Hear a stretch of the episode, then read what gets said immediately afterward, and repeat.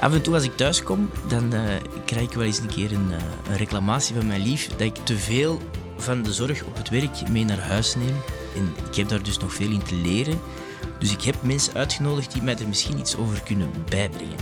Het gaat vandaag over het evenwicht tussen zorgen voor uzelf, maar ook zorgen voor een ander. En ik spreek vandaag met Melissa en Nele over hoe dat het moeilijk is in deze job. Evenwicht uh, is iets dat altijd tussen twee gewichten ligt, uh, verschillende gewichten. En vandaag gaan we het hebben over evenwicht in zorgen voor jezelf en zorgen voor iemand anders. Vandaag spreken wij met Melissa Rijmakers en Nele van Damme. Nele, wilt jij even vertellen wie jij bent en wat jij hier doet in het ziekenhuis?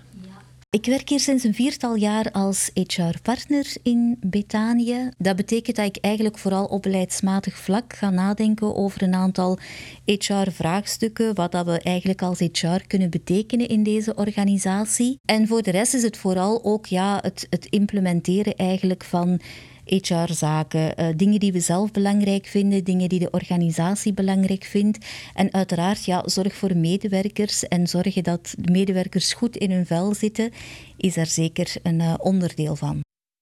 Ik ben Melissa. Ik heb hier altijd gewerkt als uh, psychiatrisch verpleegkundige. Ondertussen werk ik enkele jaren als afdelingsverantwoordelijk van afdeling Kaap.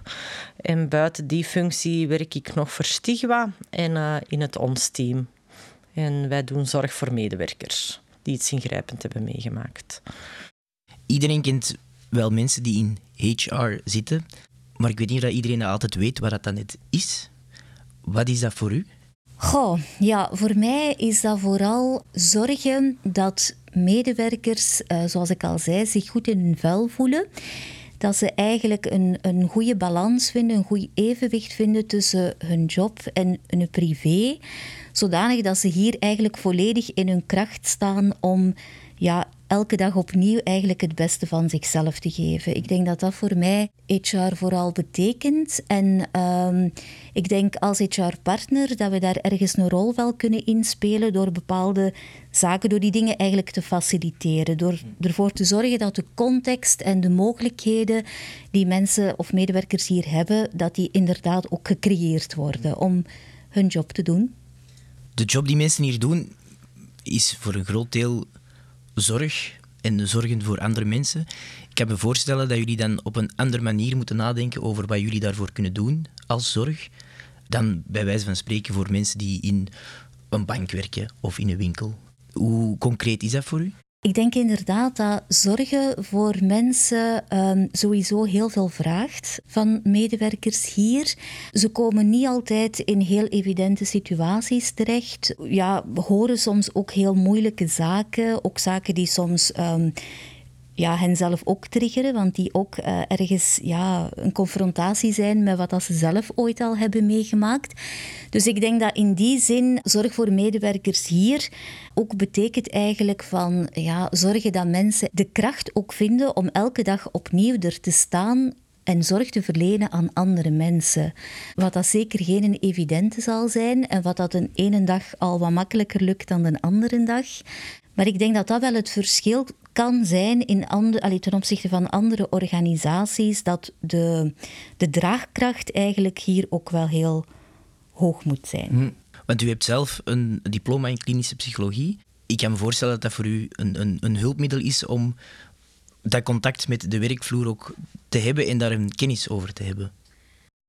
Ja, uh, dat helpt uiteraard, omdat je inderdaad, ik heb zelf ook moeilijke situaties meegemaakt in de, in de periode dat ik zelf als klinisch psycholoog um, actief ben geweest. En dat helpt natuurlijk ook wel in, in hetgeen wat ik nu doe, en dat is heel vaak ook het coachen van uh, medewerkers, waarin dan natuurlijk ook het vooral empathisch luisteren en mensen eigenlijk in hun kracht zetten, ook een... Uh, ja, ja, twee zaken zijn die je ook nodig hebt um, als je hier zelf als medewerker zorg draagt voor anderen. Hè.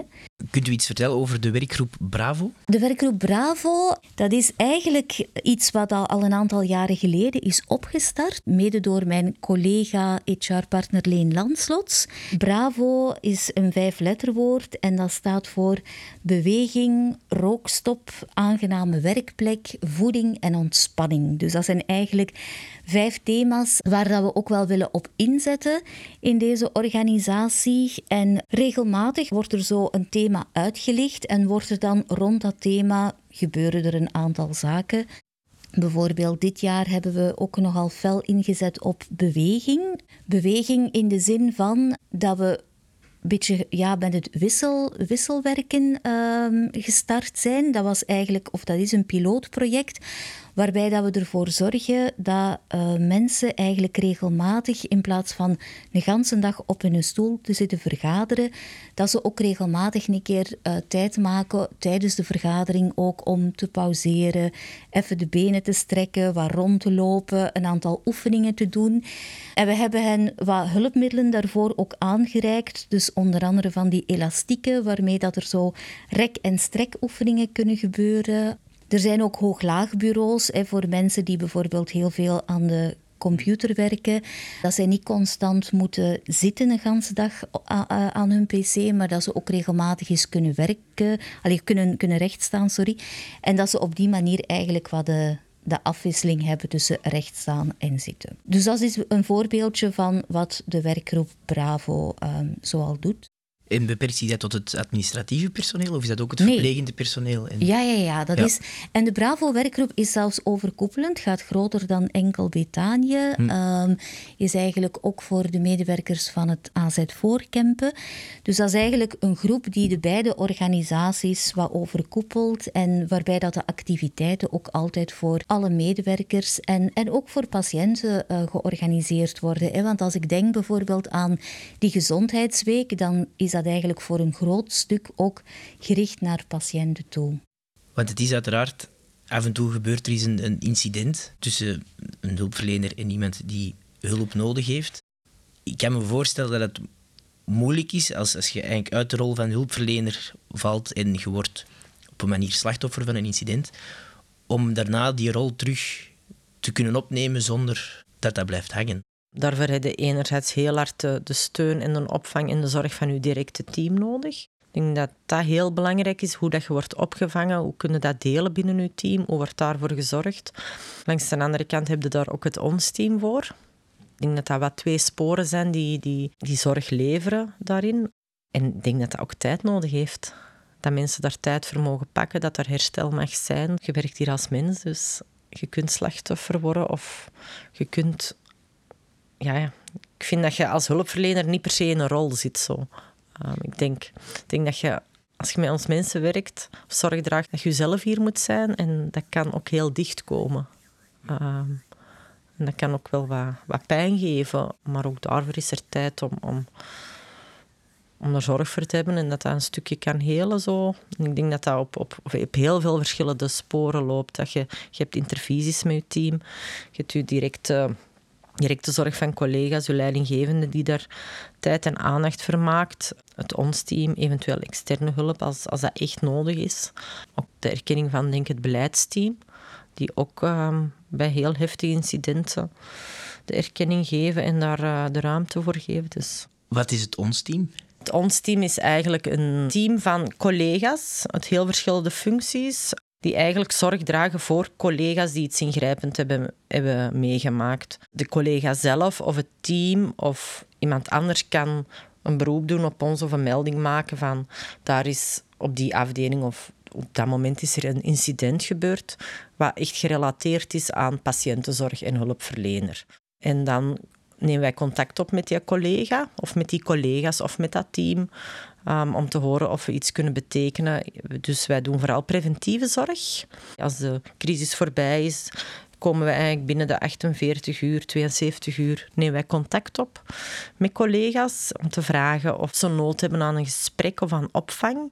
Op die manier willen we ook wel wat collega's in alle veiligheid en vrijheid kunnen laten spreken en echt tijd geven voor hunzelf.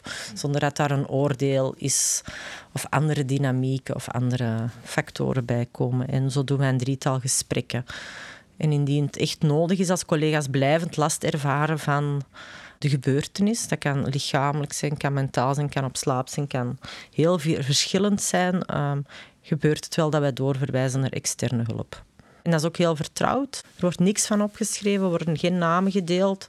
En dat blijft ook allemaal binnen onze, onze eigen groep. Dus welke functie dat je ook doet, ik zal dat nooit delen aan mijn collega hoofden. Dat is een andere rol, dat is heel afgebakend. Het is natuurlijk de voorbije twee jaar ondertussen al een zware periode geweest voor zorgpersoneel. Hebben jullie daar vanuit uw functie andere dingen gedaan? Of? We hebben een tijdje geëxperimenteerd met een soort van lounge-ruimte die we hadden ingericht in de hopruimte die we hier hebben, dat, dat mooie bungalowke hier uh, op het domein. Waarbij dat het eigenlijk de bedoeling was dat, dat medewerkers daar konden aanwaaien om een lekkere koffie te komen drinken, om een stukje fruit te eten, om een, een, een leuke babbel te hebben of om gewoon even naar wat muziek te luisteren. Uh, maar we hebben gemerkt dat dat niet zo heel makkelijk was, omdat mensen eigenlijk op dit domein ja, van heinde en verre moeten komen naar die ene plek. En mensen gaven ook aan dat ze eigenlijk de steun bij de collega's en bij elkaar ook vonden. En dat ze ook na hun shift, die soms heel zwaar en lastig was, het liefste gewoon zo snel mogelijk naar huis gingen. Dus dat heeft niet zo heel goed gewerkt. Maar we zijn nu eigenlijk aan het bekijken of dat we niet op meerdere plekken op de campus zo'n ruimte zouden kunnen creëren. Waarbij dat het dan de bedoeling is dat uh, ja, mensen op die manier toch ergens samenkomen op een plek waar dat ze even tot rust kunnen komen, even kunnen relaxen, wel wat, wat contacten hebben met collega's. Dus dat is iets wat nog in de pipeline zit momenteel. Oké. Okay. Heb je het gevoel dat dat bewustzijn veranderd is? Want je werkt hier al heel lang. Wat ervoor zorgt dat je veel collega's al lang kent, maar ook heel veel bewoners lang kent. Is er een soort verandering in bewustzijn uh, gekomen volgens u? Ik denk dat er veel meer aandacht is voor zorg voor collega's. Ehm, dat er ook een meer een openheid is in dat spreken. Wat ook wel soms iets heeft van... Ja, we mogen ook niet helemaal naar de andere kant slingeren, denk ik zo. Het is, ik vind het een heel moeilijk evenwicht tussen zorg dragen en wat is de verantwoordelijkheid en hoe blijven we nog professioneel ook. Maar ik denk wel dat er heel veel aandacht is voor van het, het, ziekenhuis, rond, rond zorg voor collega's en zorg voor elkaar. Ik merk ook wel dat collega's heel hard zorgen voor elkaar. Dat is ook wel schoon. Maar het werk is ook druk en het weegt op mensen. Maar de dynamieken vind ik niet zoveel anders dan zoveel jaar terug. Er is meer aandacht, er is meer eh, openheid, ook meer reflectie. Wat ik heb gemerkt uit vorige gesprekken, er zijn heel veel mensen die al heel lang hier werken. Die al heel lang op Betanië werken. Wat is volgens u het geheim van het ziekenhuis waardoor dat mensen het, het erin slagen om echt voor lange tijd in een toch niet altijd even vanzelfsprekende plek te werken? Goh, ik denk dat de sfeer in een team vaak heel bepalend is. En als mensen zich goed voelen in hun team en daar ook de nodige ondersteuning krijgen en verbonden zijn met hun collega's en hun patiënten, dat dat, dat, dat absoluut helpt. Maar ik verbaas mij er zelf ook altijd wel over dat er mensen zijn die hier soms echt 30, 40 jaar of nog zelfs meer actief zijn. Ik denk ook wel als je die mensen hoort dat, ja, dat er wel heel veel verandering is gebeurd in de loop van de jaren. Maar degenen die, die het hier zo lang volhouden, zijn dan ook echt wel een rots in de branding, denk ik, voor, uh, voor de andere mensen die nog maar pas um, aan hun carrière beginnen. En het leuke is ook dat we voor die mensen, onze oudere medewerkers, die eigenlijk een beetje op een zucht staan van hun pensioen, nu ook een reeks eigenlijk van drie sessies georganiseerd hebben over hoe gelukkig uh, op pensioen gaan. Hè? Hmm. Wat zijn zo de dingen, waar moet je allemaal op letten? Uh, waarmee krijg je te maken als je met pensioen gaat? Hoe voorkom je dat je in een zwart gat valt uh, na een actieve loopbaan? En ik moet zeggen, de eerste sessie is, is al achter de rug en de commentaren waren heel positief. Dus... Um, ik kreeg de indruk dat het ook toch wel voor hen een vorm van erkenning was. Zo van, ja, we hebben hier zo lang gewerkt en in plaats van gewoon stilletjes te verdwijnen in de coulissen, ja, kregen ze daar eigenlijk wel de kans om uh, ook met elkaar eens stil te staan bij, ja, wat doet dat nu met ons, hè, dat we binnenkort met pensioen gaan. Dus uh, vond ik wel leuk om te zien ook. Het woord burn-out is de laatste jaren meer en meer uh, aan het vallen. En het zal zeker zijn dat er hier een aantal mensen in traject zitten, net vanwege die burn-out of vanwege de werk-privé-sfeer moeilijk mm -hmm. gescheiden of, of die werkdruk. Hoe doet u dat voor zichzelf? Ik denk dat het belangrijk is om voldoende ontspanning ook altijd in te bouwen. Dat, dat je toch voldoende momenten kan inlassen waarop dat je het werk gewoon kunt loslaten en dat je ja, leuke dingen kunt doen. En ik denk dat dat voor iedereen iets anders kan zijn. Hè. Sommige mensen vinden dat plezier in sporten. Ik helaas niet. Ik zou willen dat ik dat in sporten kan vinden, maar uh, dat is mij niet gegund. Maar um, ja, voor mij is dat dan vooral van het leven genieten, allerlei leuke dingen doen met vrienden. Um, toneel, uh, want dat is een van de zaken die ik ook, uh, waar ik mee bezig ben. Dus ik denk dat, dat dat wel belangrijk is voor mensen om iets te vinden waar dat ze zich kunnen in ontspannen. En uh, ik denk vooral ook de steun die je ook kunt vinden in het team. Hè? Want de meesten werken hier eigenlijk wel in een team. En ik denk dat het ook fijn is om steun te kunnen vinden bij je leidinggevende, bij je collega's. Um, ook in periodes dat het uh, moeilijker loopt. Wat marcheert er voor u persoonlijk om te kunnen zeggen, nu ben ik thuis en, en kan ik mijn gedachten verzetten? Um, dat is een moeilijke vraag op het moment. Op deze moment uh, zit het werk ook mee thuis. Ik kan dat nooit zo automatisch afzetten. Maar ik vind wel manieren om dat, om dat een stukje een plek te geven. Voor mij helpt sporten daar heel veel voor. Zo zorg dragen voor jezelf daarin. En voor mij helpt het delen. Het delen van mijn eigen moeilijkheden binnen het team waar ik op bots. Met, met collega's. Dat helpt mij al enorm. Is er iets wat jij zelf nog wou, wilt verwezenlijken? Of dat je denkt, dat wil ik nog zeggen uit belang voor... Uh... Wel, je, je, je, sprak er net over evenwicht. Hè? En we zijn ook volop binnen HR eigenlijk aan het werken aan een soort van werkgelukkoffer. In die koffer gaan allerlei spelen zitten die teams eigenlijk gaan kunnen gebruiken om rond het thema van werkgeluk daarover met elkaar in dialoog te gaan. En dat is iets wat nu nog zo work in progress is, maar ik denk dat dat ook wel aantoont dat we ja, ook beseffen hoe belangrijk dat evenwicht eigenlijk wel is. En uh, dat we ook dat willen faciliteren, zodanig dat mensen aan de hand van allerlei spelen. En sommige zullen heel kort en luchtig zijn, andere zullen wat diepgaander uh, zijn en, en, misschien heel intensief zijn. Maar ik denk dat het wel fijn is om te weten dat dat er aankomt en dat we op die manier ook vanuit HR zeker ook ons steentje willen bijdragen aan, uh, aan dat evenwicht. Voor elke medewerker dus. Met podcast Balans wilden we jullie een inkijk geven in de werking van Betania Geestelijke Gezondheidszorg. Heeft de podcast je geprikkeld en ben je benieuwd hoe het er dagelijks aan toe gaat? Volg dan @betaniëggz op Facebook of Instagram en ontdek het laatste nieuws op onze website.